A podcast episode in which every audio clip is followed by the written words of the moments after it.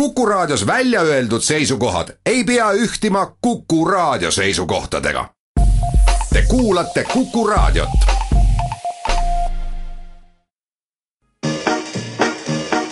naised ei jäta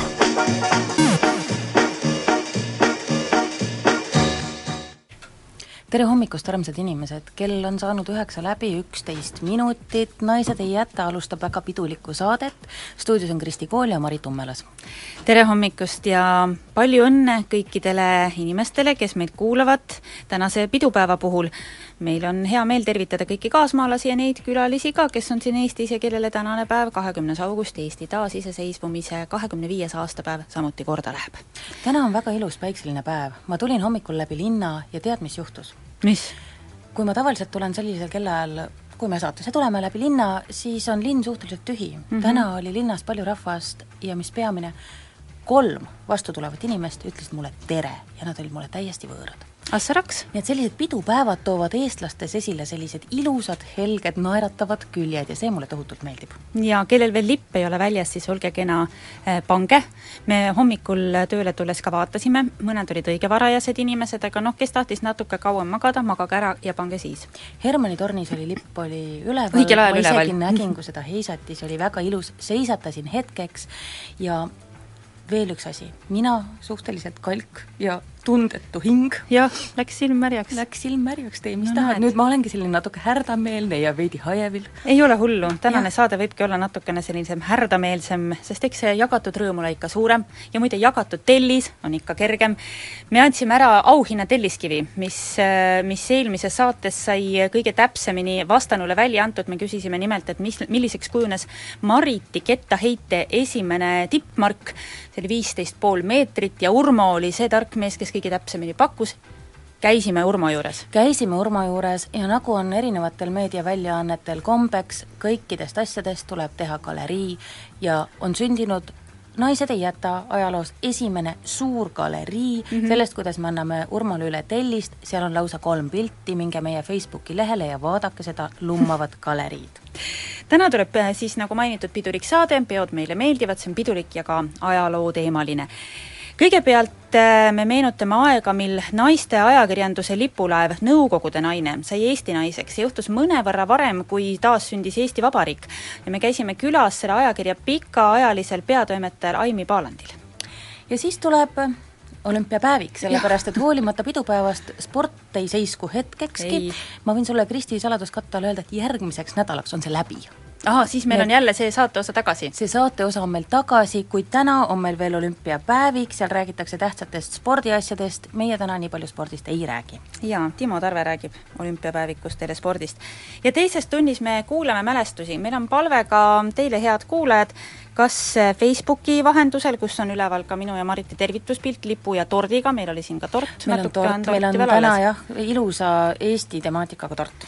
Et sinna alla võite kirjutada oma mälestused kahekümnendast augustist tuhat üheksasada üheksakümmend üks. Või kui oma mälestusi ei ole, siis mõne lähedase inimese mälestused, me ootame neid, me oleme neid juba natukene kogunud, me ajame juttu ka ise kolme naisterahvaga, kes on erinevatest ajajärkudest pärit ja uurime, mida nemad mäletavad sellest kuupäevast ja, ja või mida nad ka ei mäleta, sest üks neiu on sündinud juba iseseisvasse Eestisse ja, ja uurime, mida tema siis teab sellest, mis oli enne, kui Eesti vabaks sai ja pärast seda vestlusringi loeme me ette teie, armsad kuulajad, teie mälestusi just nimelt sellest samast päevast, neid on meil ka juba mõnevõrra kogutud mm, -hmm. proovisime ka täna tööle tulles küsida kolleegidelt, et noh, mida teie mäletate?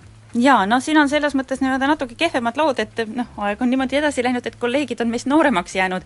aga Annika äh,, uudistetoimetaja Annika oli sel ajal selline viie-kuueaastane tirts ja tema mäletab seda, et äh, vanemad vaatasid kogu aeg televiisorit, noh, lapsel jäävad mingid pildid meelde, ja mäletab ka seda, et isa käis all, nad elasid äh, Saaremaal, käis keldrit kontrollimas, et noh, et kas on nagu piisavalt äh, korralik ruum, et vajadusel sinna varjend teha ja samas küsin mina produtsent Jaanuselt, mida tema mäletab ja Jaanus ütleb mulle selle peale, et tema oli tol perioodil veidi hajevil.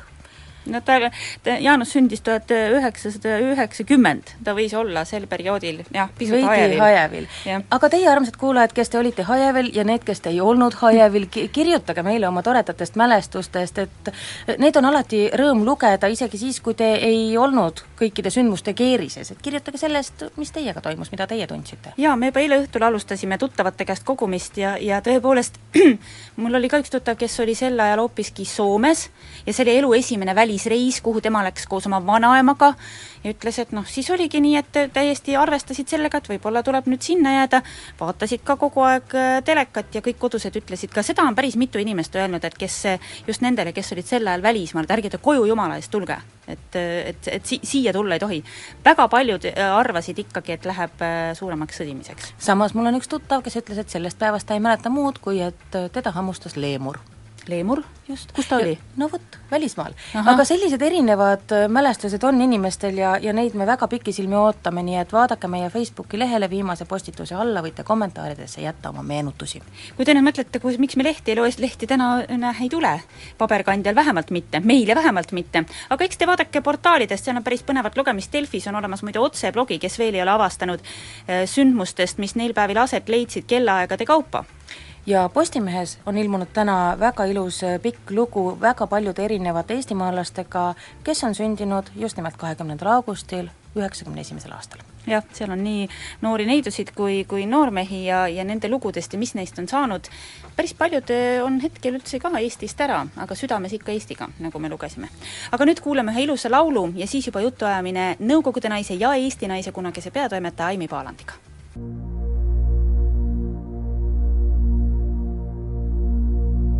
Väike Eestimaa, kodu igatsus on kõige suurem ootus, ma tean. väike Eestimaa, sinu lauludes on tugevus ja lootus, ma tean. Neid on viinud kaugele üle laante hoovused. väike Eestimaa, sinu päikse võtsin tookord minnes kaasa.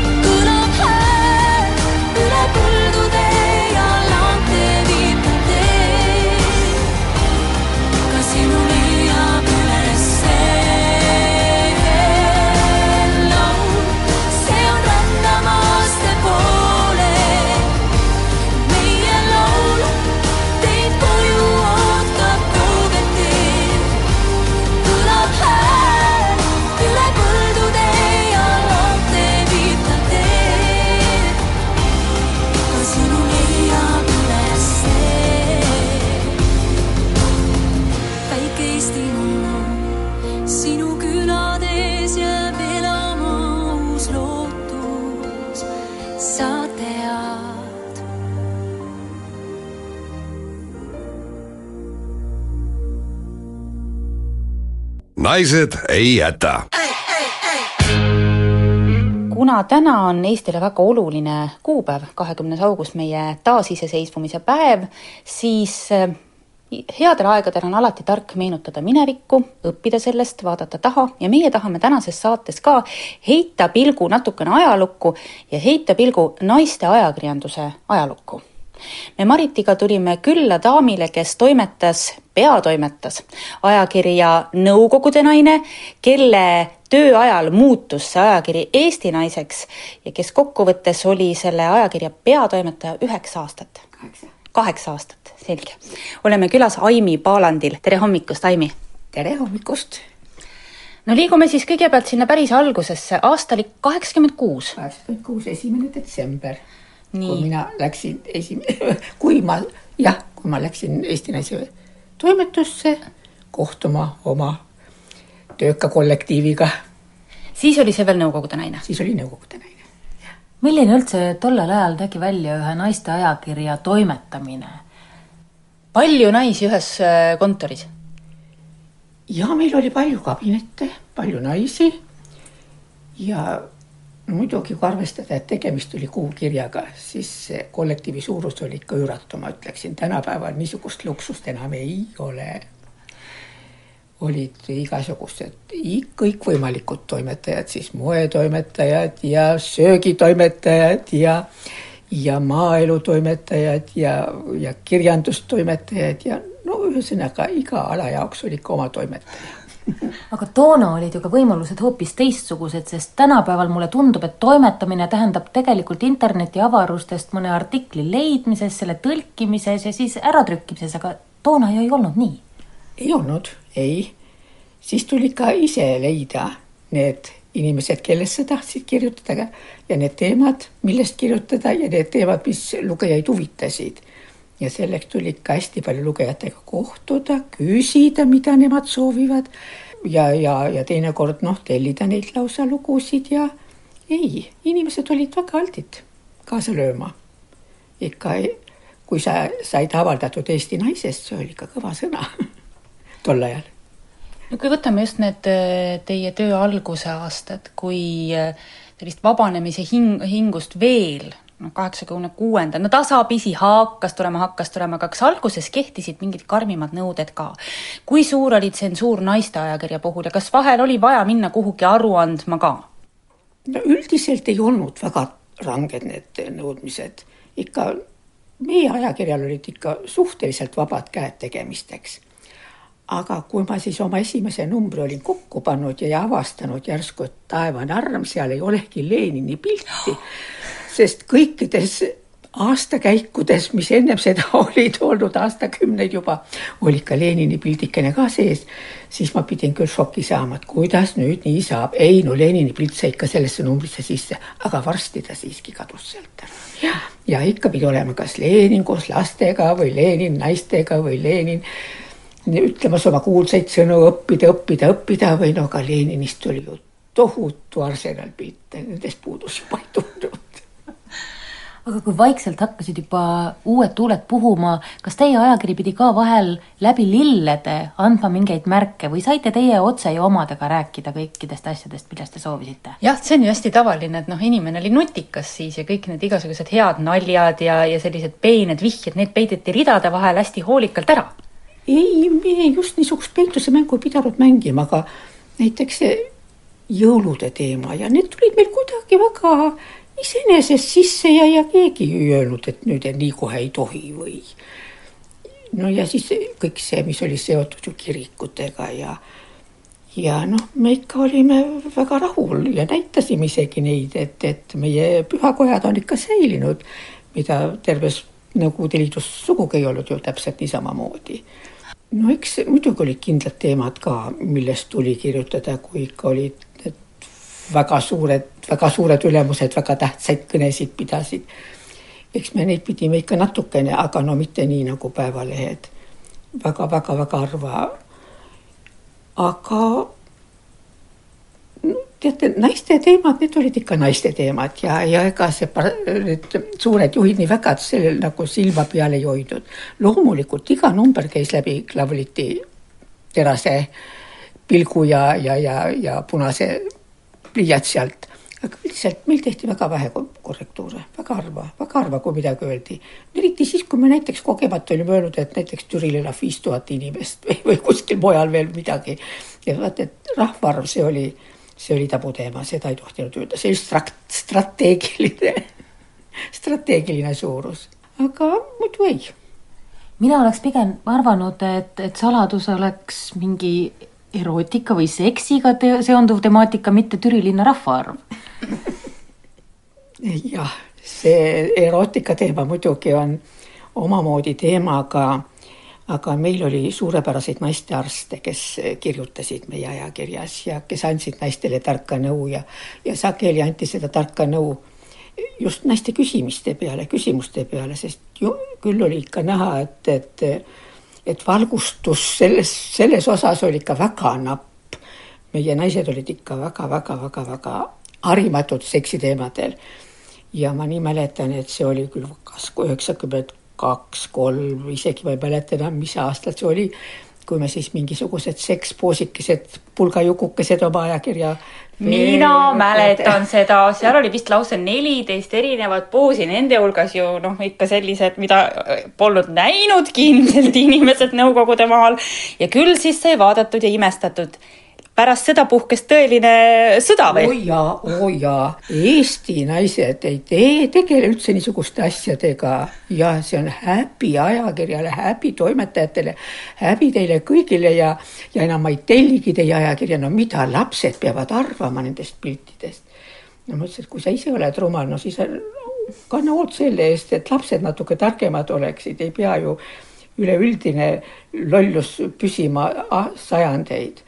noh, nüüd see viga on muidugi ammu parandatud, aga meie olime ses suhtes nagu pioneerid ja, ja muidugi me saime kõvasti, mitte ülemuste käest, mitte kusagilt kõrgelt keegi ei kostnud selle peale mitte midagi, aga just meie targad emad ja eriti vanaemad teate, aga mõnes mõttes ei ole asi muutunud, ma vaatasin, lappasin siin, meil on mitmed Nõukogude naised Eesti naised on siin väljas. ühe kaane peal oli imetavast emast siis jupike rinda ja maimuke ja see ju kas sobib äh, imetavat ema kuskil ise näha või näidata, no see käib ju siiamaani ju. no ma olin täiesti šokeeritud, kui tehti siin telekas oli üks küsitlus, et kas tohib naine oma last toita avalikult. No kuidas siis ei tohi, see on ju lapse toidulaud, no ja mida siis, mida siis seal varjata on, noh. see oli väga-väga imelik, lausa, lausa imelik. aga ei, tookord mitte midagi erilist küll selle peale ei öeldud meile, ei, jah, siis võib-olla et inimesed olid kuidagi tolerantsemad selles osas meie Kristiga oleme sedavõrd noored inimesed, et täpselt seda hetke, millal Nõukogude naine muutus Eesti naiseks, mina ei mäleta ja mälu järgi oleks ma pakkunud selleks aastaks üheksakümmend üks, üheksakümmend kaks. Nüüd, kui me siin neid ajakirju vaatame, siis selgub, et see juhtus ikka mitu head aastat varem. kuidas selline asi nagu nimevahetus üldse läbi läks? ja ütleme siis ära, et kaheksakümne kaheksandal aastal oli veel Nõukogude naine ja kaheksakümne üheksandast ilmus juba Eesti naine. täpselt nii. sest et toimetuses olime kohe võtnud kindla suuna sinnapoole, et see Eesti naine peab saama. aga et asi oleks korrektne, siis me korraldasime lugedes küsitluse, et millist nime nemad sooviksid. no pakuti küll ka Maret ja Linda, aga no suurem osa vastajatest, vastanutest oli ikkagi Eesti naise poolt. ja nii me siis andsimegi oma sõna hästi järgmisest aastast ilmub Eesti naine. ja esimesel jaanuaril kaheksakümmend üheksa oli Eesti naine valmis ja ta seisis hunnikute ja kuhjade viisi Printali trükikojas, sest trükiarv oli kakssada kakskümmend viis tuhat.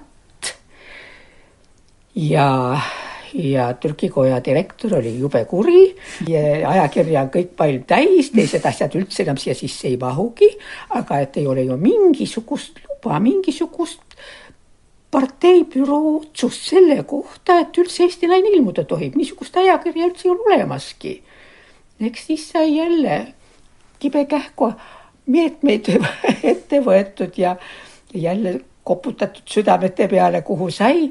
Ja juhtuski nii, et kuuendal jaanuaril, mis on ju kolme kuningapäev, kolm kuningat Vaino väljas, Indrek Toome ja Arnold Rüütel bürool võtsid vastu otsuse lubada Eesti naine trükikojast välja kas seoses nimemuutusega muutus selles ajakirjas ka midagi väga oluliselt sisuliselt? tegelikult oli see muutus toimunud juba paar aastat varem.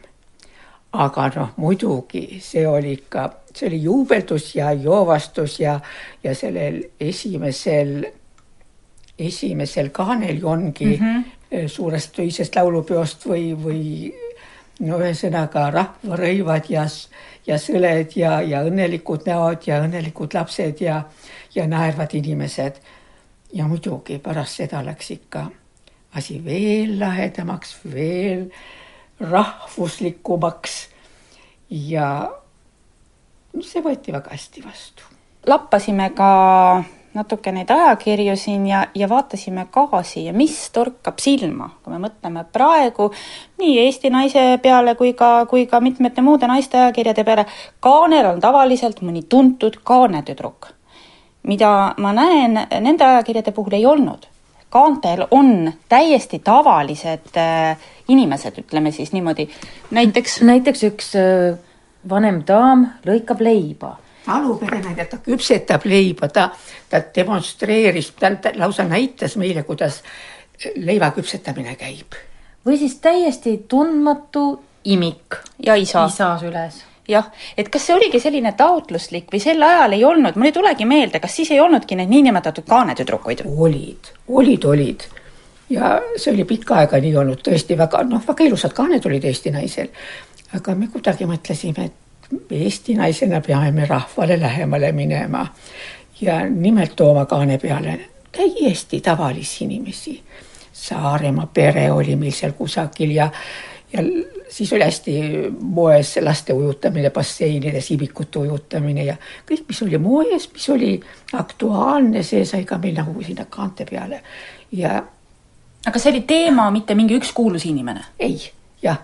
no muidugi olid ka mõned kuulsused, no ikka, kui meie lummav Kaie Kõrb jälle mõne uue osaga välja tuli või, või või meie noh, oli näitlejaid ja tuntud näitlejaid, ikka oli vahel niisuguseid kaasi ka. aga ikka enamasti olid no, tõesti, tõesti õnnelikud, toredad Eesti inimesed, rahvariiet hästi palju mm, -hmm.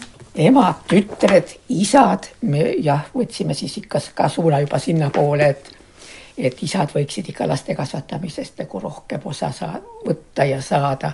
noh, praegu on ju jälle see lastetoetused ja, ja asjad ja värgid, et, et isad peaksid nagu rohkem kodus olema lastega ja ja me lasime ka isadel sõna võtta, nii et üks, üks aastakäik meil oligi, et ava, avalugu, no näed, ongi Jüri, Jüri Martin võtab siin sõna.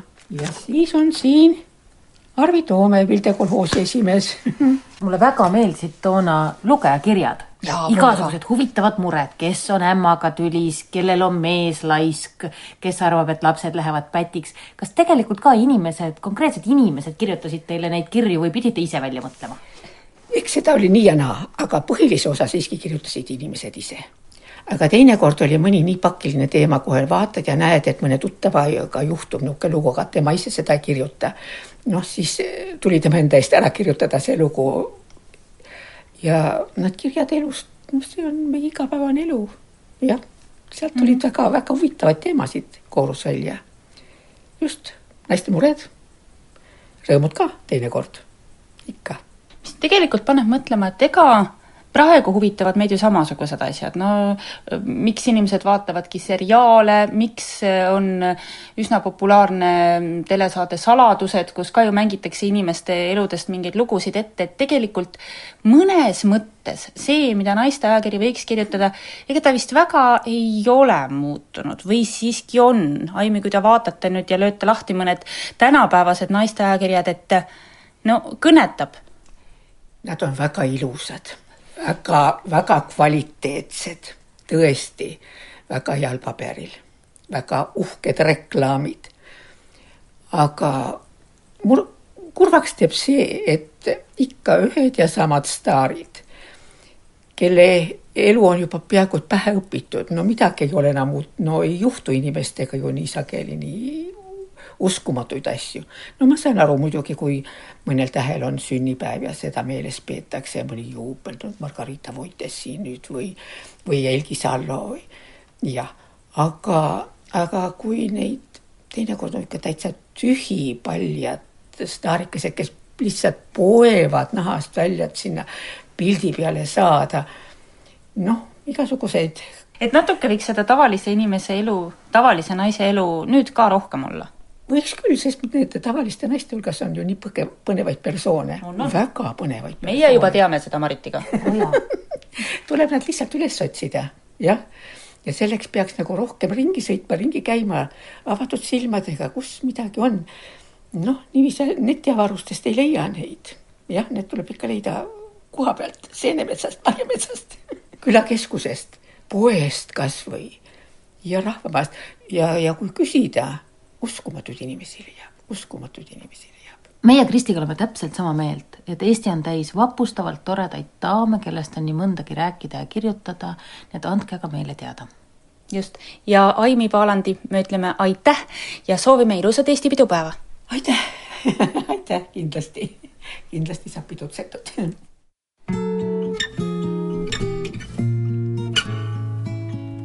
murranud viinud üle seitsme maa ja mere, kuid ikka tagasi toob laev või öine lend.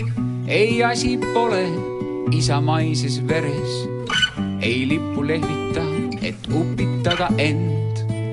mu mõte lihtne, mis toob ikka koju, see ongi minu suurim õnn ja rõõm. taas tulen lennult pestud, kuiv ja kaine et juua sõõmsu ilust. Eesti naine. mu unedes sa, ilus Eesti naine, mu mõtetes sa, ilus Eesti naine, mu päevades sa, ilus Eesti naine, mu Eesti naine, oled igas öös, mu unedes sa, ilus Eesti naine mu mõtetes sa, ilus Eesti naine, mu päevades sa, ilus Eesti naine, mu Eesti naine, oled igas öös.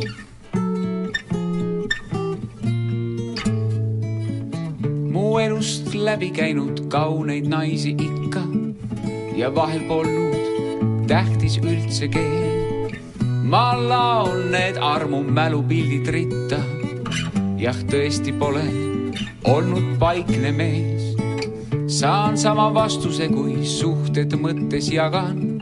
kõik, mida meenutan, ei ole õnn ja rõõm. su ilu taevalik ja kuigi olen maine, veel juua sõõmsu ilust, Eesti naine.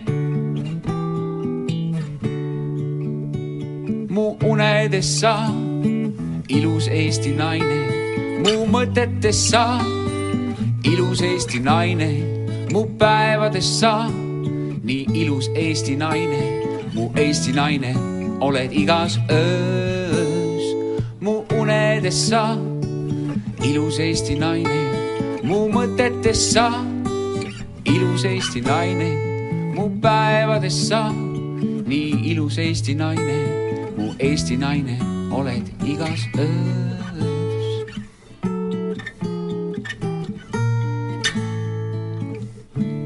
Rännud viinud üle seitsme maa ja mere. kuid ikka tagasi toob laev või öine lend. ei asi pole isamaises veres, ei lippu lehvita, et upitada end. mu mõte lihtne, mis toob ikka koju, see ongi minu suurim õnn ja rõõm. taas tulen lennult pestud, kuiv ja kaine et juua sõõmsu ilus? Eesti naine. mu unedes sa, ilus Eesti naine, mu mõtetes sa, ilus Eesti naine, mu päevades sa, ilus Eesti naine, mu Eesti naine, oled igas öös, mu unedes sa, ilus Eesti naine mu mõtetes sa, ilus Eesti naine mu päevades sa, nii ilus Eesti naine, mu Eesti naine oled igas öös. mu Eesti naine oled igas öös, mu Eesti naine. naised ei jäta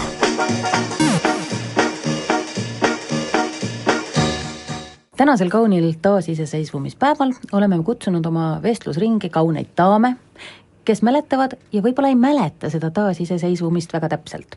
nimelt on meil väga erinevas vanuses naised. tere hommikust, Kristiina, Katrin ja Katriin!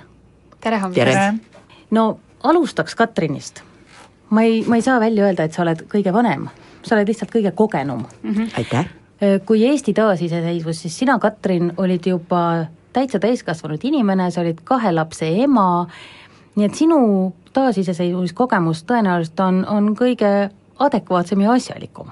no ma ei tea, kas ta nüüd kõige asjalikum on, aga kuna ma siin olen tõesti kõige, kõige vanem ja elanud ainult peale sõjaaegsest, alates sotsialismis ja nüüd siis vabas Eestis, siis võrdlusmoment on muidugi olemas mida sa mäletad sellest, ega tegelikult need Vabaduse tuuled hakkasid ju puhuma varem, noh täpselt nagu me rääkisime just äsja intervjuus Kaimi Paalandiga, Eesti Naine kui ajakiri hakkas ilmuma juba tuhat üheksasada kaheksakümmend üheksa.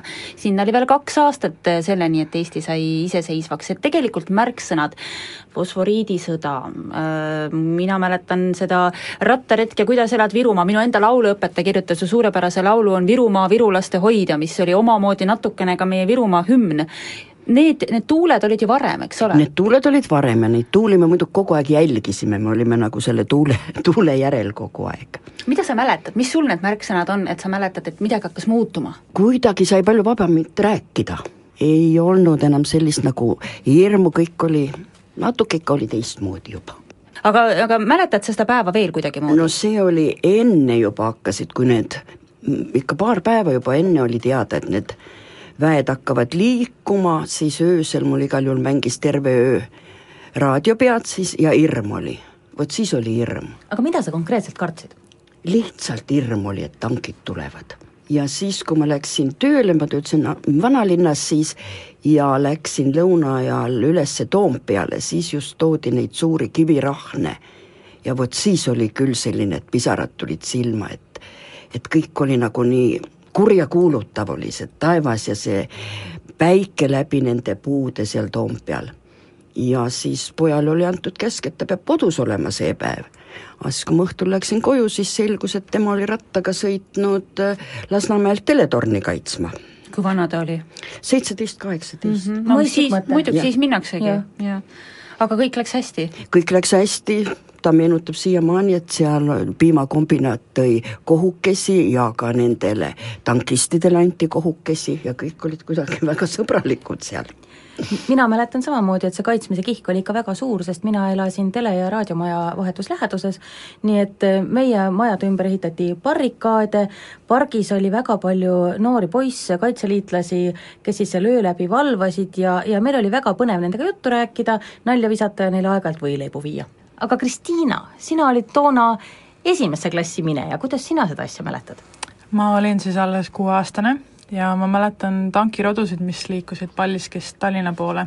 aga see ei tundunud üldse hirmus, sest olin tanke ka enne uudistest näinud ja ma ei suutnud äh, kuidagi seostada seda millegi ohtlikuga ähm,. Koolis äh, läksid asjad natukene teisiti, ma arvan, kui oleksid paljud oodanud, et ilmselt kõik ei olnud äh, päris kindlad, et see vaba Eesti riik jääb püsima. ja ma mäletan, et äh, liitusin kodutütardega tol sügisel, see oli siis üheksakümmend üks. kohe esimeses klassis otsustasid, lähen kodutütardesse. huvitav, kus sa neist teadsid üldse ma ei tea, meile ilmselt räägiti, reklaamiti seda koolis välja mm, -hmm. meil olid eraldi tüdrukute ja poiste klassid ja siis ilmselt leiti, et see on tüdrukutele väga sobiv harrastus kooliväliseks ajaks ja ma mäletan, et äh, tol sügisel me pidime oma vihikutesse kirjutama elagu NSV ja elagu Lenin. ja toona ma ei osanud arvatagi, et see on midagi väära ähm,. sellele juhtis mu tähelepanu mu ema, kui ta tuli mulle kooli järele ja tegi imestusest väga suured silmad, et mis mõttes, et meil on ju Eesti Vabariik. aga kas su ema lamenti ei läinud tegema kooli? ma kahjuks ei mäleta seda, aga tundes teda, siis kindlasti. No sina, Katriin, oled sündinud juba vabas Eestis. palju sa tead sellest ajast, mil Eesti oli Nõukogude Liidu sotsialistlik vabariik? see on ju sulle juba sellised vana- ja muinasjutud või? jah, võib-olla selles mõttes küll, et kõige esimene inimene, kes mulle võib-olla seda teemat avas, oli mu vanaema ja, ja kuna ta on ka õpetaja, siis ta oskas seda ilmselt mulle väga hästi nagu serveerida.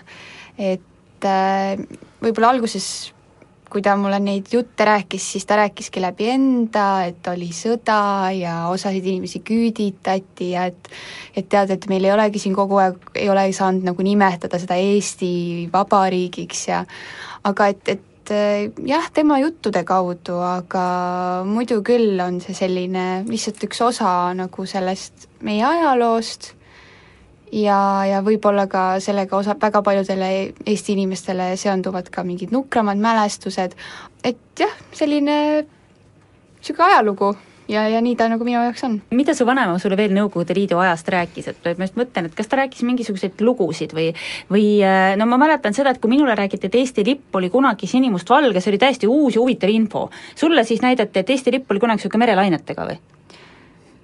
Tead ikka, milline oli Eesti, Nõukogude Eesti lipp, tead? tean, aga ma arvan, et võib-olla ma ei teadvustanud, äkki ma nägin, kuna mu vanaemal oli igast, ka nõukogude ajast igast õpikuid ja selliseid töövahendeid ja noh, kooliga seonduvaid asju alles, siis ma arvan, et ma sealt sirvisin küll. Ja seal oli ka siis äh, väga palju juttu Leninist ja Stalinist ja siis ma, ma mäletan, et ma olingi nagu veidi segaduses, et mis asjad need on, mis, mis, mis jutt see on et miks nad siin kooliõpikutes on ja siis ta ikka seletas mulle.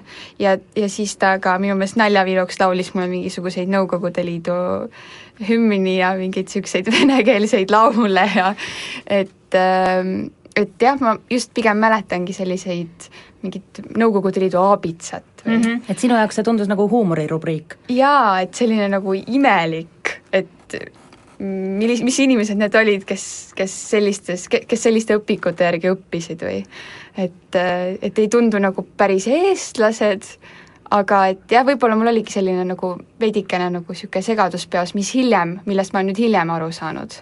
ja neid jutte ma mäletan ka, et ikka, et, et Eestiga seonduvad äh, mingid esemed pidid nagu peidus olema. ja seda, et, et äh, et vanaema rääkis, et et ikkagi salaja käidi kirikus mm. -hmm.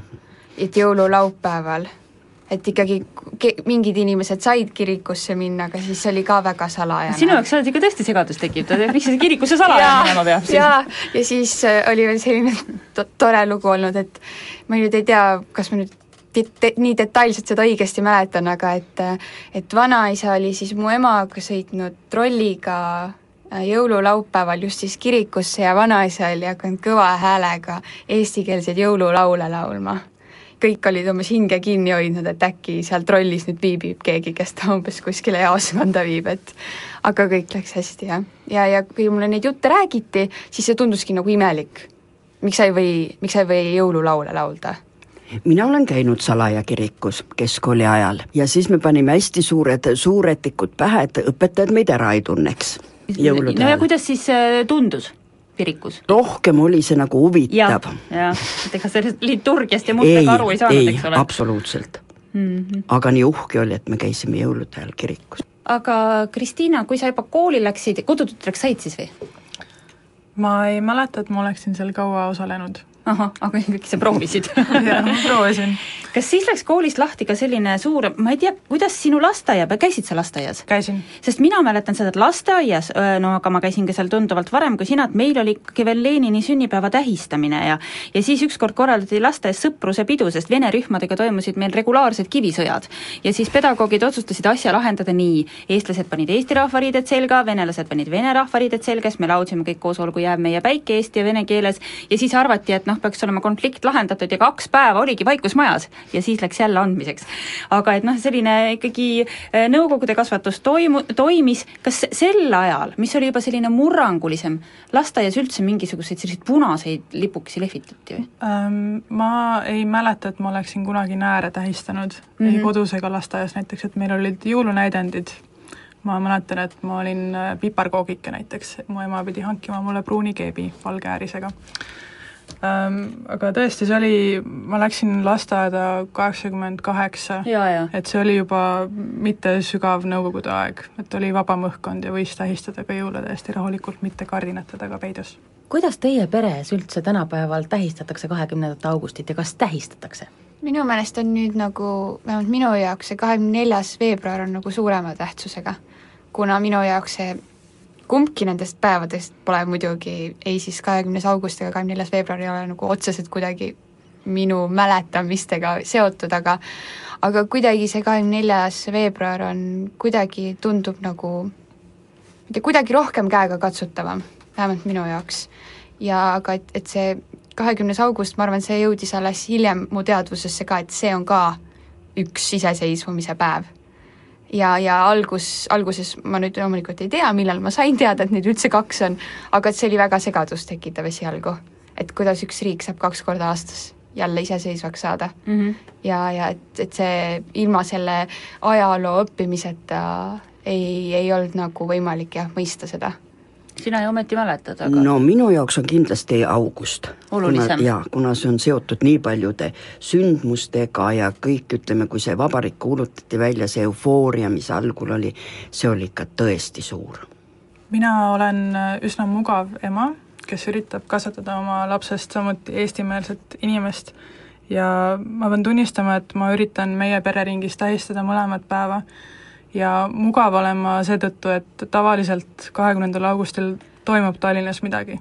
kuna see on üsna Tallinna-põhine püha nii-öelda, et ilmselt mujal Eestis seda ei tunnetata nii palju, aga ma tean, et vähemalt augustis on alati midagi, kuhu ma saan oma poja viia ja talle näidata, et ta saaks tunda uhkust. kui vana su poeg on? seitse.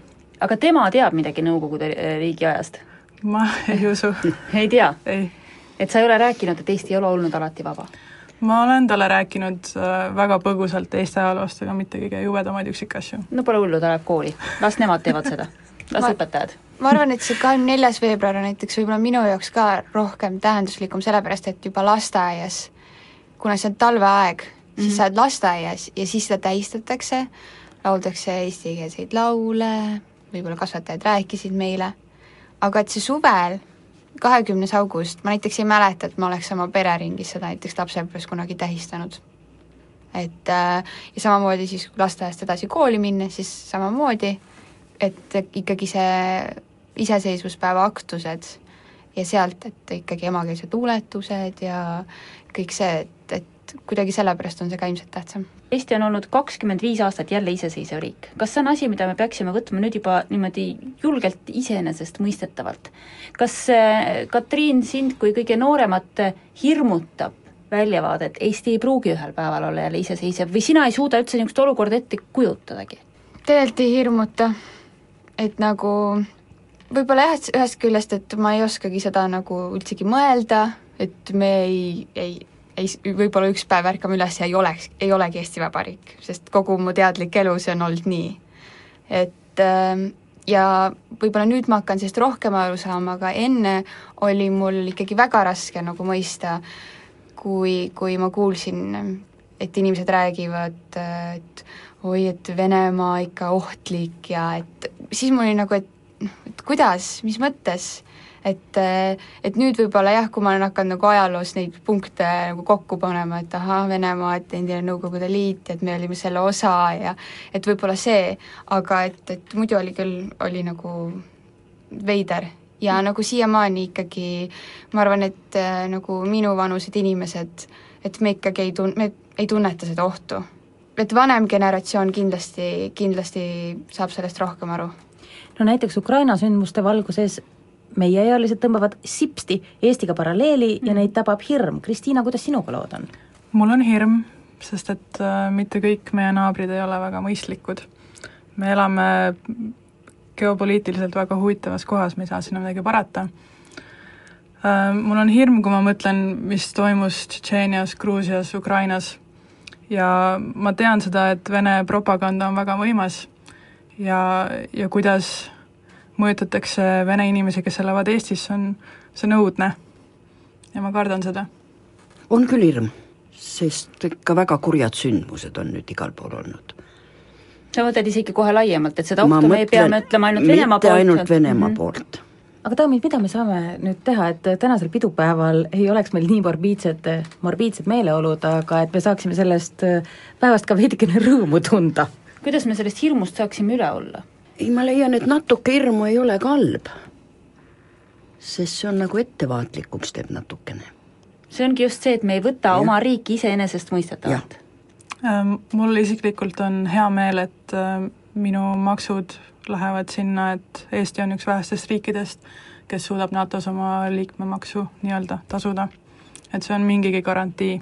no kuna mul hirmus ei ole ja mul ei ole ka mujalt nagu mingit otsest hirmu, nagu ma ei tunne, et kuskilt mujalt tuleks, sest tegelikult see hirm tuleb lihtsalt sellest, et meil on nagu nii suur nagu see meedia ja tegelikult me lihtsalt teame, meil on lihtsalt nii palju informatsiooni käes, et äh, selle, seda tuleb ka nagu mõnes mõttes ikkagi seda, mis sa meediast saad ja seda kõike nagu läbi mingisuguse klaasi vaadata, et äh, ja panna nagu perspektiivi, et kogu aeg on selliseid hirmsaid asju juhtunud ja vahest isegi on olnud ennem rohkem.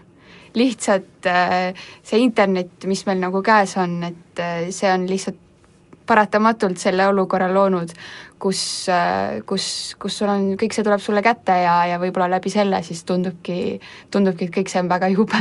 tead, sul võib olla täiesti õigus, sest mina elasin kahekümnenda augusti tuhat üheksasada üheksakümmend üks, elasin läbi Rakveres ja tegelikult hoolimata sellest, et ma nägin, et vanemad olid hirmus, siis meie kuidagi elu läks samal ajal täiesti rahulikult ja, ja, ja normaalselt isegi. ma vaatasin isegi oma vanu päevikuid ja esimesest septembrist mindi rahulikult kooli ja mingit ärevust enam ei olnud ja hakkasime arutama, millist näidendit võiks kooliteatriga lavastada, et just nimelt sellepärast, et sündmused toimusid Tallinnas, infot said sa enam-vähem sealt ühest telekanalist, noh midagi sealt Ameerika häälest võib-olla ragistas ka välja, noh raadiost loomulikult, nii et ega see jah, vahel ongi nii. Mis lavastus tuli? tuli selline lavastus nagu Peaaegu ilmsi tema kõrguse minister. Ja seal oli üks ja tead, seal oli väga tore, me lugesime teksti läbi just sel ajal. Ja seal oli üks koht, kus kuninganna küsis. Täiesti hämmingus toimus seal mingisugune suur kaos, et mis toimub minu kuningriigis? Ja üks tegelane vastas, riigipööre, see oli tähendusrikas aitäh, daamid, täna hommikul Kuku raadioga ühinemast, soovime ilusat eh, Eesti pidupäeva, peate te siis seda, kuidas peate, pereringis või, või, või oma, omaenda südames, aga seda me võiksime ikkagi meeles pidada, et see on niivõrd tore, et meil on selline väike armas riik. Ja kaks sünnipäeva. ja kaks sünnipäeva, see on äge, aitäh! naised ei jäta tere jälle, kümme kakskümmend seitse on kell ja nüüd hakkame meenutama, me oleme saanud juba palju toredaid eh, meenutusi aastast eh, tuhat üheksasada üheksakümmend üheksa, kahekümnes august või sinnakanti. üheksakümmend üks, jah, just, anna andeks. üheksakümmend üks, kahekümnes august ja sinnakanti kuupäevad. ja, ja torkabki silma see, et jah, see, see osa rahvast, kes elas Tallinnast eemal, paljud ongi öelnud, et noh, et jah, et eh, noh, toimus küll midagi, aga samal ajal elu jätkus, et Kaisa kirjutas meile, et ema läks äh, tööle, tööl pidi ikkagi käima, et noh, igas ametis sa ei saanud koju jääda ja terve päeva telekat vahtida ja raadiot kuulata, et et tegelikult elu läks äh, edasi ja, ja nii oligi. no meil sinuga täpselt samamoodi, et, et mina kui tallinlane ja sina kui Rakvere tütarlaps, meil on ka väga erinevad mm -hmm. kogemused, sest et mina olin sündmuste keerises ja sina vaatasid seda kõrvalt Mina ja ei saagi kellelegi pahaks panna, kui sa Jah. elasid muja, mujal Jah, kohas. et äh, ma ei läinud jah, teletorni kaitsma, tõepoolest. ega mind vist ei oleks lastud ka. üks, üks härra just eile õhtul mulle rääkis, et tema oli siis äh, äh, sel ajal ka mingi neliteist, viisteist ja ema oli sõitnud äh, Soome Hmm. no siis juba käidi. ja, ja, ja siis läks lahti ja ema oli helistanud ja, ja nutnud, kaks korda helistanud koju ja nutnud ja öelnud, et vaata, et sa oled kodus, et ära mine sinna teletorni juurde. nooremad lapsed saadeti kõik maale sõbranna juurde, kuhugi Tallinnast ära. aga siis jah, teismelist poissi paluti, et, et ei lähe ja ja noh, poisi auks tuleb öelda, kuigi paljud ütlevad, et oo, et ikka läksin ja noh, salaja läksin, aga vaata, nutvale emale sa ikkagi vastu ei hakka. mõned lapsed on lihtsalt väga head lapsed. Jah, just.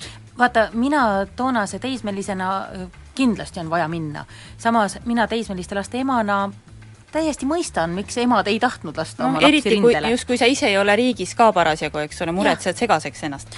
meil Aga on te- lõbusamaid lugusid ka. meil on lõbusamaid lugusid ka ja, ja kui kellelgi on veel mõni tore meenutus, siis võite meie Facebooki lehele foto alla kommentaaridesse selle loo kirja panna, kui me vähegi jõuame, siis me loe, loeme sellised toredad lood ette. Aga ma teen nüüd otsa lahti. teeme otsa lahti, ma jah. teen otsa lahti ja, ja Marge on meile saatnud sellise loo. kakskümmend viis aastat tagasi augustis olin neljateistaastane sündmustest mäletan seda, et vanaema kuulas raadiot ja ütles talle omase kindlameelsusega, et sõda tuleb, nüüd on vaja poodi minna. poest oli vaja tuua kolm asja, soola, tikke ja tatart. kõige hämmastavam selle valiku juures oli asjaolu, et meie peres ei söödud mitte kunagi tatart. võtsin teadmiseks, et sõda tuleb, seega võtsin raha ja lippasin kõigepealt samas tänavas elava sõbranna juurde, et teda poodi kaasa kutsuda. Nende pool raadio ei mänginud, keegi ei olnud uudiseid kuulnud, toas keerles plaat ja maja oli täis rahulikku India muusikat igatahes andis keegi tema perest ka talle natuke raha kaasa, et me saaksime minna poodi varusid soetama. seda, millisesse poodi me läksime, enam ei mäleta, aga vajalikud asjad said toodud. tikud, sool ja tatar, sõjaolukorras hädavajalikud. räägitakse, et Tartus olla tankid sõitnud mööda Võru tänavat, aga mina mäletan, et meie juures Turu tänaval sõitsid ka mingid sõjamasinad mööda. olid need siis tankid või mingid muud rasked masinad, ei tea, aga tänavasse sõitsid nad igatahes sügavad vaod. rohkem ei mäleta mitte midagi. vot sellised lood Kairil on meeles sellised märksõnad. august kakskümmend viis aastat tagasi. sellele väga tihti just ei mõtle, kui meenutada, siis kõige teravamad emotsioonid on ema kõne Kloogarannast, et maanteelt kostub sõjaväekolonni hääl ja et oleksin ettevaatlik. hirm hakkas. oli ta seal puhkamas koos minu pojaga. hirm, et kui meie teletornist edastatav pilt kaob, siis on lõpp uued küüditamised, uus venestamislaine, raadio, mis teatas, et kõik on põhimõtteliselt ikkagi korras. isa, kes käis raadiomaja kaitsmas. sadamas olevad laevad ootamas pööret asjade käigus. kindel teadmine, et kui läheb halvasti, võetakse peale nii palju, kui saab ja sõit läheb Rootsi kindel otsus, et mingu kuidas tahes, kui kõik lähevad, mis siis Eestist saab. otsus, et mina pean jääma, sest me oleme alati olnud. vallutajad on aastasadade jooksul tulnud ja läinud, meie oleme olnud, me oleme nii visad juurikad, et meid ei võta ussi ega püssirohi. ja hästi küpsetatud kartulikoored on kusjuures maitsvad. lubasime neid siis süüa ja kui peaks vaja minema, noh, tuleb ainult hästi küpsetada vot nendest lugudest tulebki välja see tohutu vahe, mida tunnevad veidikene juba elukogenumad inimesed, kes on ise lapsevanemad ja mida tunnevad siis teismelised täpselt samas situatsioonis, et et see on äh, nii erinev. mina loen ette Ragne mälestuse. olime pojaga Krimmis, et enne kooli algust astmale pidurit peale saada. saime tuus-, Tuusiku Vene Kunstnike Liidu sanatoorium puhkekodusse. Krimmi olid hakanud tagasi tulema küüditatud tatarlased, lagunenud majad olid korda tehtud, lilled istutatud, viljapuuaiad, kohalik elanikkond oli valdavalt purupunane lumpen. kohalik folkloor pajatas, et mägedes hiilivad ringi kõverate nugadega tatarlased. Baltikumis toimuv oli kohalikele ka selge, te olete fašistid, kes teid ikka vabaks laseb kõik algas kolm päeva enne puhkuse lõppu, internetti siis veel polnud, telefoniühendus ei toiminud, ainus infoallikas oli kesktelevisioon. see kajastas Vilniuse sündmusi, muidugi õigest vaatenurgast, ja näitas Tallinna poole teel olevaid tankikolonne. mäletan, kuidas intelligentseid inimesi täis puhkeruumis, inimesed nutavad, tulevad meid kallistama ja andeks paluma oma riigi eest siis pilt katkeb ja algab lõputu luikede järv mm. -hmm. suur hirm ja teadmatus selle ees, mis kodus toimub ja kuidas koju saada, sest lennukid ei toimi, lennud ei toimi. sama head, samad head vene inimesed muretsesid meile mingil moel Simferoopoli ja Moskva rongipiletid praegu olen mina see, kes mõtleb neile suure mure ja kaastundega. vot selline distantsilt nähtud meenutus jälle, mis on hoopis teistsugune kui, kui kohapealsed. mul tuli praegu sellega seoses meelde, et meil endal, ma ei mäleta, kas see oli nüüd siis kahekümnes august või, või ühesõnaga sealkandis ei toimunud meil, toiminud meil riigis ka bussiühendus, me ootasime Põlvast meile õde külla ja, ja ma mäletan, et õigel päeval ta ei tulnud ja ma olin kohutavalt pettunud selles, et et mis see siis olgu, miks bussid ei sõida? Ma just hakkasin ka mõtlema, et äh, emana mina oleks kõik äh, lapsed ju kupatanud kusagile Tallinnast või vähemalt tele- ja raadiomaja vahetust lähedusest kusagile kaugemale, aga siis meenus, et ei olnud ju toona väga autosid ja teiseks mm. oli ka ju kütusekriis. et ei saanud niimoodi, et hops, sõidame sinna, sõidame tänna, et ju siis ja osad pered ikka jah, püüdsid just väiksemad ära saata, aga, aga jah, loomulikult ja noh, igasugune info edastamine oli hoopis teine, teine asi kui praegu, kus sa helistad mobiiltelefoniga või, või oled netis või noh, et see mure nende pärast, kes olid kuskil eemal, see oli ilmselgelt suur. ikka, jah. Merle lugu, no jälle üks natuke eemal lugu. mu vanaema kodu oli Petseri rajoonis Setomaal ja me ikka käisime seal ka pärast tema surma. sel päeval olime me täditütrega seal vanaema maal. ma isegi ei tea, miks, eks me korjasime marju ja käisime seenel ja nii edasi mina olin neliteist, tema kuusteist ja saime paar päeva hiljem Eestisse tagasi tulles teada, et selline asi on toimunud. vana, vanemad muidugi olid paanikas olnud, kui Pihkva poolt tankid Eestisse sisse sõitsid. aga just nimelt, kuna tollal ju telefone, värke ei olnud, siis ei saanud meiega ka keegi sidet aga me ise siis lõpuks sõitsime rahumeeli Petseri rongiga koju ja vanemad olid rõõmsad, et lapsed kätte said aga tore on selle asja juures see, et me lapsest saati kuulsime, kuidas teise ilmasõja rinne sealt vanaema kodu lähedalt mööda läks, kartsime hirmsasti. aga kui tankid reaalselt maja kõrvalt mööda sõitsid, siis magasime selle rahulikult maha täitsa okei okay.. magaja uni on püha. magaja uni on püha ja, ja ma usun ka, et kui sa oled infosulus, siis tegelikult äh, väga paljusid asju sa ei tea ega oskagi karta, et mis no, nüüd natuke müriseb, ennegi kombain sõitnud. jah, mis sealt akna tagant mööda parasjagu sõidab. Kristeli lugu Kristel kirjutab, et äh, võin mõningaid tehnikaid kasutades välja rehkendada, et üks laps hakkas siis nelja-aastaseks saama ja teine oli viiene. olin sellel päeval vist lastega kodus. õde, kes oli minust neliteist aastat noorem, oli täitsa laps veel ja tema oli Lõuna-Eestis onu juures ja ema pani padinal bussi peale, et lapse juurde tõtata, sest tankid tulivad ja hirm oli. mina ei mõistnud mingit hirmu tunda, sest kahe jõnglasega oli kodumail piisavalt tegemist no. vot selline väga praktiline daam kirjutab, et ei olnud aega siin midagi sabistada. tegelikult oleks pidanud ka oma ema käest ka küsima, et isaga ma rääkisin ja isast jah, ma mäletan seda, et kuna tal oli sel ööl, ööl vastu kahekümnendat augusti hirmus hambavalu, siis ta oligi, tal oli hea üleval olla ja kogu aeg raadiot kuulata. aga, aga ema käest ma ei olegi jah küsinud, et, et mida tema sellest ajast mäletab ja, ja kuidas tema mure võis olla ju noh, hoopis teistsugune, eks ole, kuigi isast ma mäletan ka, et jah, et, et kui läks lahti noh, ei hästi palju oli ju kõlakaid ka ja, ja mingi kõlakas käis, et kuskil on juba rongid vang-, valmis, noh, ma ei teagi, kui palju see, oi, paberid kukkusid, kui palju see tõele vastab ja kui palju seal siis äh, sellist äh, jama juttu oli, aga jah, ma mäletan, ma isale käisin rääkimas, oi-oi, et tead, tead, mis mingi jutt on, et juba rongid on, et mis asja nad mõtlevad, et küüditama hakatakse ja siis siis ma nägin, et isa oli mures ja ütles, võivad hakata küll. kui tõsine see hirm sulle siis tundus?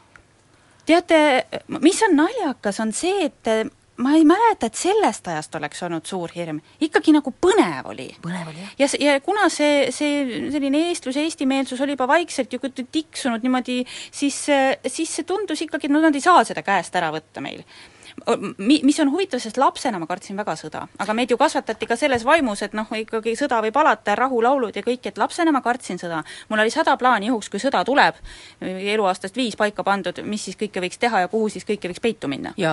aga, aga sellest ajast ma ei mäleta hirmu mina mäletan natukene hirmu, sellepärast et see, mina olin Tallinna kesklinnas ja see kõik läks nagu nii lähedalt mööda, et kui sa ikkagi esimest korda elus näed reaalselt nagu tanki mm -hmm. sinu kodumaja ees, siis see ei ole niisugune väga rahustav zen-kogemus, et see ikkagi veidi elavdab.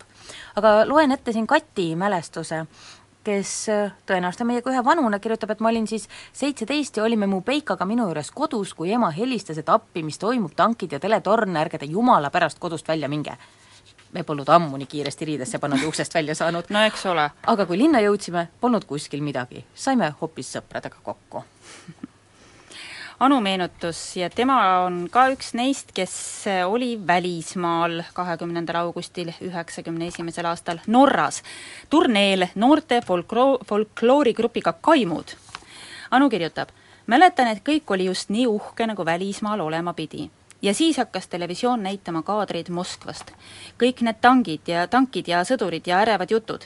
tavaliselt oli selliseid uudiseid ikka Ameerikast näidatud aga et see nüüd Venemaal toimus, tekitas elevust, et mis nüüd saab, mis toimub Eestis, kas saame koju tagasi. helistasime kodustele, liinid töötasid hästi ja kodused korrutasid nagu ühest suust, et me mingil juhul tagasi ei tuleks. ei saa te veel laeva pealtki maha, kui teid kinni võetakse, poisid korjatakse kohe sõjaväkke ja ongi kogu lugu. asi selge ajasime juba asja, et kui kauaks siis Norra peresse saaksime jääda ja millal teie hoopis Kanadas elavate sugulaste juurde võiks ette võtta. no oli vast ärevust. natuke oli isegi nagu kahju ka. saime oma uues kodus just radiaatorid läbi puhutud, et nüüd ei saagi teada, et kas talvel küttes ikka soojaks lähevad aga läks hoopis nii, nagu me tänaseks teame. ja palju õnne soovib Anu Kaaben kõigile ja mina olen täiesti nõus, õnne on, on meil vaja. ja samas mure radiaatorite pärast on ka Täiesti täiesti nagu- asine mure. jah, mõnes mõttes täiesti mõistetav, sellised väikesed argiasjad võivadki tulla tegelikult suurte sündmuste keskel, järsku mõtled, et ei tea, mis nüüd sellega saab. just. minul on äh, Kristina oi, see on tore lugu, loe Kristina lugu, jah. Äh, mina olin neil päevil koos teiste Paide Kultuurikeskuse kunstiringi noorte liikmetega Hiiumaad väisamas. olime saanud kõik kenasti viisad ja puha ning vist juba nädal või paar saart mööda jõlkunud, pintslit, pliiatsid pihus meil polnud õrna aimugi, mis mujal maailmas toimumas oli. kui öösiti tähistaevast imetledes, imestasime pisut küll, et miks piirivalve oma prožektoritega kohe eriti innukalt mööda taevalaotust vehkis. noh, meie idüll sai lõppu, kui kohaliku kooli direktriss ühel päeval tuli ja ütles, et ega teil vist pole aimugi, mis toimub. ja siis viis meid kurssi. Ja natukese aja pärast helistas ühe meie tüdruku ema Paidest ja nuttis toru otsas, et kõik kohad on tanke täis ja me vist ei saagi enam kunagi Hiiumaalt tulema, sest kõik kahurid on sinnapoole oma torud suunanud. ja üleüldse hakkab kohe sõda. me ehmatasime ikka täitsa ära. meie juht ja õpetaja Jane suutis kuidagimoodi meile siiski Paidest bussi järele tellida.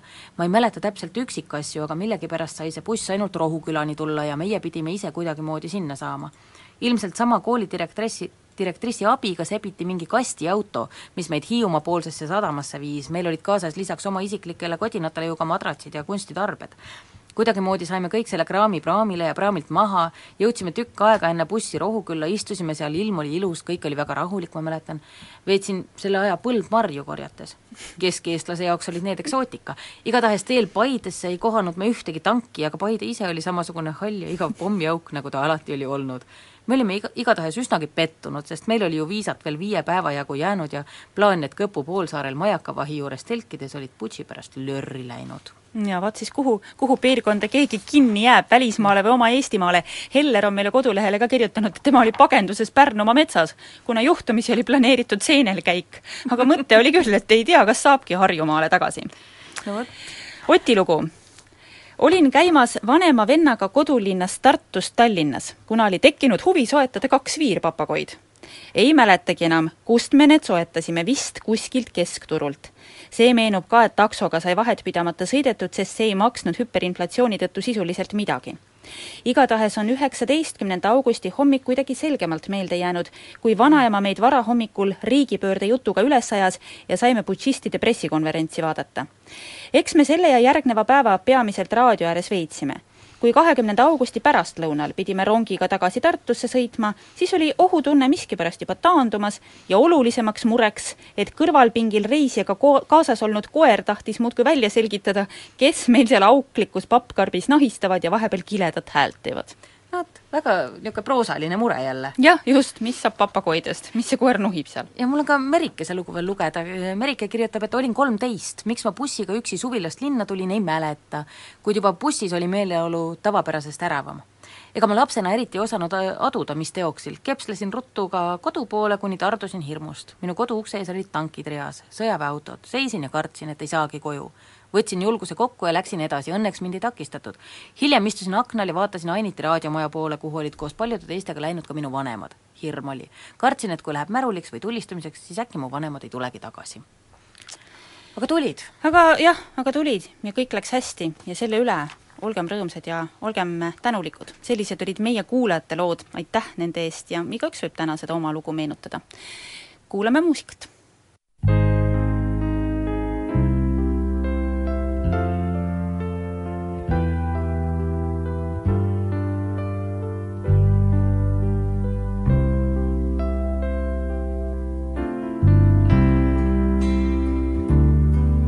Ühel ööl ma nägin und, et ärkasin ja sind ei olnud. ma otsisin sind igalt poolt, kuid ei leidnud kusagilt. ma hüüdsin su nime, kuid sa ei vastanud. ja ma imestasin, et nutan su pärast.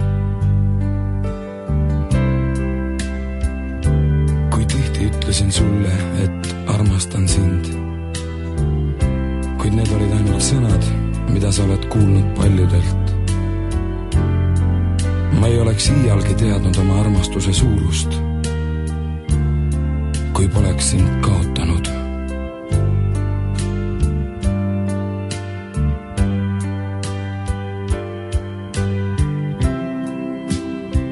kes seisab veel minu eest, nii nagu sina seda tegid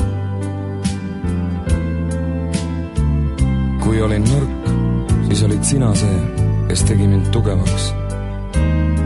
samuti kaitsesin mina sind, kui sa olid hädas. me pidutsesime koos, aga jagasime ka leivaraasukesi me veetsime koos häid ja halbu aegu. ja sinuga möödusid parimad aastad mu elust. Sest sa leidsid alati midagi, mis liigutas mu südant. nagu need sõnad ja see ilus viis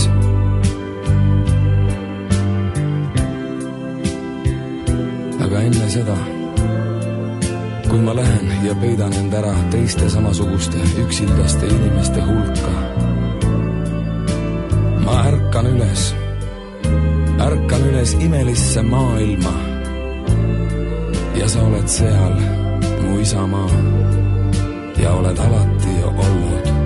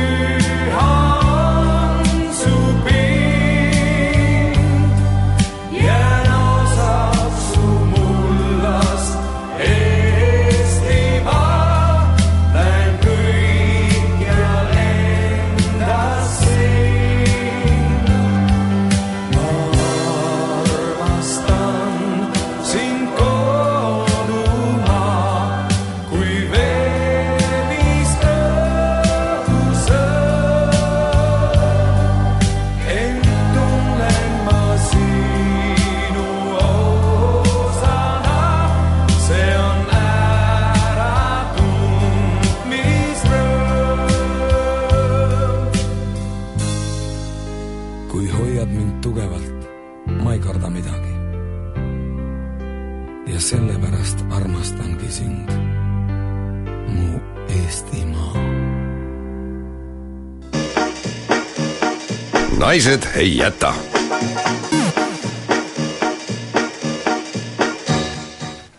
kell on meil saanud kümme läbi viiskümmend minutit ja on paras aeg hakata meie tavapärasest veidi pidulikumat ja, ja taltsamat saadet kokku tõmbama. jaa, tõepoolest. Kellel lipp ei ole väljas, no nüüd on küll viimane aeg, viimane aeg, kell saab üksteist juba, tõuske üles. tõuske üles, pange lipp välja ja tegelikult üks selline soovitus veel, et kui te üles tõusete, siis tänase päiksepaistelise pidupäeva puhul võiks teha sellise haruldase asja, et lähed näiteks ütled äh, oma naabrile midagi ilusat. jaa, miks ka mitte. ütled tere hommikust, palju õnne. jah, jah, küll on tore, et sa oled mu naaber. Võib, võib ka nii öelda. võib ka nii öelda. ma niidan selle muru ise, aga mitte täna, vaid homme. homme ja mitte kell kuus hommikul. jah, ja mitte kell kuus hommikul. Just. ja siis no minge ko- kontserti kuulama, neid on palju, ma usun, et väga paljudes linnades, no Tallinnas me teame, et kell kaksteist juba ettevalmistused käivad, Vabadus on tunne, kontserdi nimi ja see algab Vabaduse väljakul. oi, see on suur kontsert, sinna on lubatud, et lisaks solistidele on tuhandepealine koor, koore on hästi palju, see on nagu ke- väike laulupidu juba. ja, ja, ja orkestrid ja ka tantsijad, telekas kantakse seda ka üle, kes ise ei saa minna. mulle tundub küll, et telekast vaadata on ka väga mõistlik mõte, sest kui ma mõtlen selle koori suuruse ja tantsijate arvu peale, siis ei tea, kas sinna tavainimesi vaatama üldse ma mahubki. olen ka pisut mures, ma, mu enda la, laps laulab seal ja ma tahaksin ikka väga minna, aga võib-olla tõesti ma näeks teda telekast paremini, aga noh, ilm on ilus, et läbi jalutada võib ikka, see kestab kolm tundi No nii et kui ei jaksa saab. seda, seda tervet aega ära olla ja mis on tore, need laulud, mida nad esitavad, on kõik need vanad armsad, et rahvast Oo. oodatakse kaasa laulma. et noh, täna on see päev, kus, kus on täna on see päev, kui rahvas saab kaasa lauda no, mm. -hmm. laulda ja nooremal põlvkonnal on võib-olla võimalus neid laule siis äh, esmakordselt kuulda, kes no on väga noored. no väga noored võib-olla küll, jah, siis on päev läbi äh, Toompeal. Erinevaid ettevõtmisi ja üritusi, tean, et Pika Hermanni torni saab ronida lippu heiskama, enam ei jõua, see tehti hommikul kell Mhm. seitse ära, aga kui teie praegu enda pannkoogilaua tagant püsti tõusete, siis saab käia täna Pika Hermanni tornis, minge kasutage juhust, see on kuidagi väga pidulik asi minu meelest. jaa, aga kes ei taha ühe koha peal seista või istuda, siis äh, okupatsioonide muuseum kutsub äh, Vabaduse jalutuskäigule. muuseum on äh, täna avatud, jalutuskäigud viivad külastaja kakskümmend viis aastat tagasi toimunud sündmuste keskele, rännakult Toompeale ja selle ümbrusesse tehakse peatused viimasel sajandil Eesti vabaduse loos olulist rolli mänginud paikades ja jutustatakse kesksetest sündmustest ja inimestest. jalutuskäigud algavad muuseumist kell kaksteist, nii et tunni aja pärast, ja kell kolm on järgmine ja need toimuvad nii eesti kui inglisekeelse sellise giiditeenusega siis. ma lähen Tallinnast natukene eemale, mitte küll väga kaugele ja nimelt sellel põhjusel, et ühte üritust korraldavad Viimsi Ettevõtlike Daamide Assotsiatsioon ja juba see, et daamid on ettevõtlikud, läheb mulle väga korda, nemad korraldavad täna Viimsi mõisapargis rahvaliku piknikupäeva.